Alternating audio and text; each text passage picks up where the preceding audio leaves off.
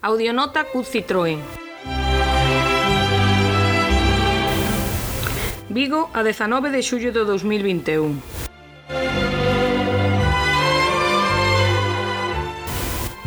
Xubilación ou ere?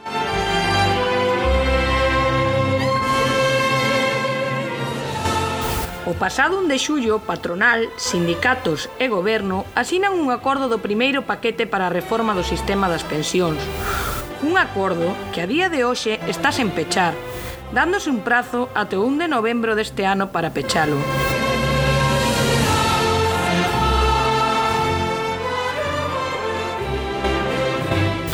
Sendo un acordo que está sen rematar, por que a empresa agora propón aos sindicatos establecer unha negociación baixo dito argumento?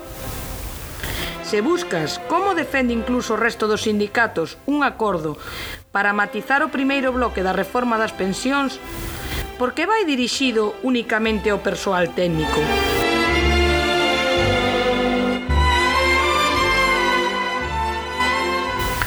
Por que en Madrid e Zaragoza a dirección non trasladou nada do cos sindicatos? porque a dirección de Vigo e algúns sindicatos teñen presa negociar antes das vacacións? porque do tratado na xuntanza do pasado venres nada ten que ver co primeiro bloque do acordo das pensións como recollía a convocatoria.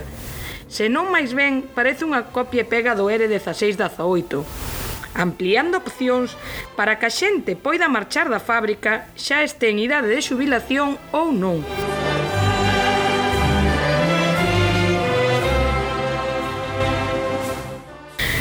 non abren un ERE que dá máis seguridade xurídica aos traballadores que decidan acollerse as saídas voluntarias e dereito a desemprego?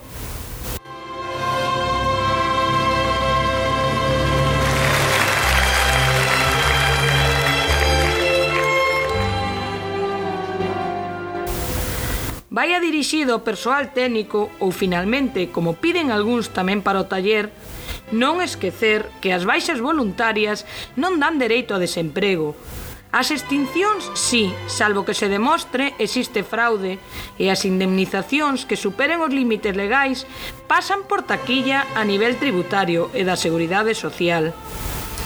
Quen se faría cargo de pago, polo tanto, da parte que lle toca pagar ao traballador? Entrando no proposta realizada pola empresa, na maioría dos casos son extincións de contrato, que se intenta camuflar para a CUT por unha vía moi dubidosa, E mal comezamos cando a empresa non é clara nas súas intencións.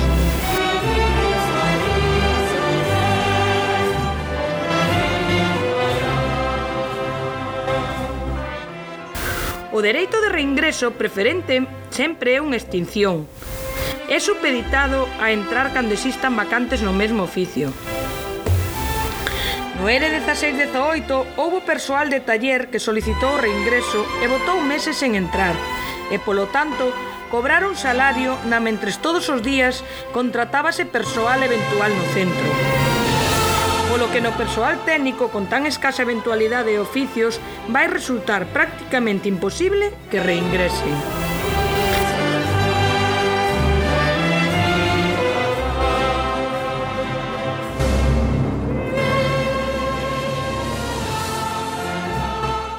Quedan moitos aspectos legais por pechar e non se pode pretender nunha semana de presa correndo negociar, salvo que se busque evitar unha contestación sindical e social. A CUT analizará toda a documentación remitida e, como sempre fai, a revisará a nivel legal e aportará as propostas que considera oportunas na lexítima defensa dos dereitos das persoas traballadoras. CUT Sindicalismo Necesario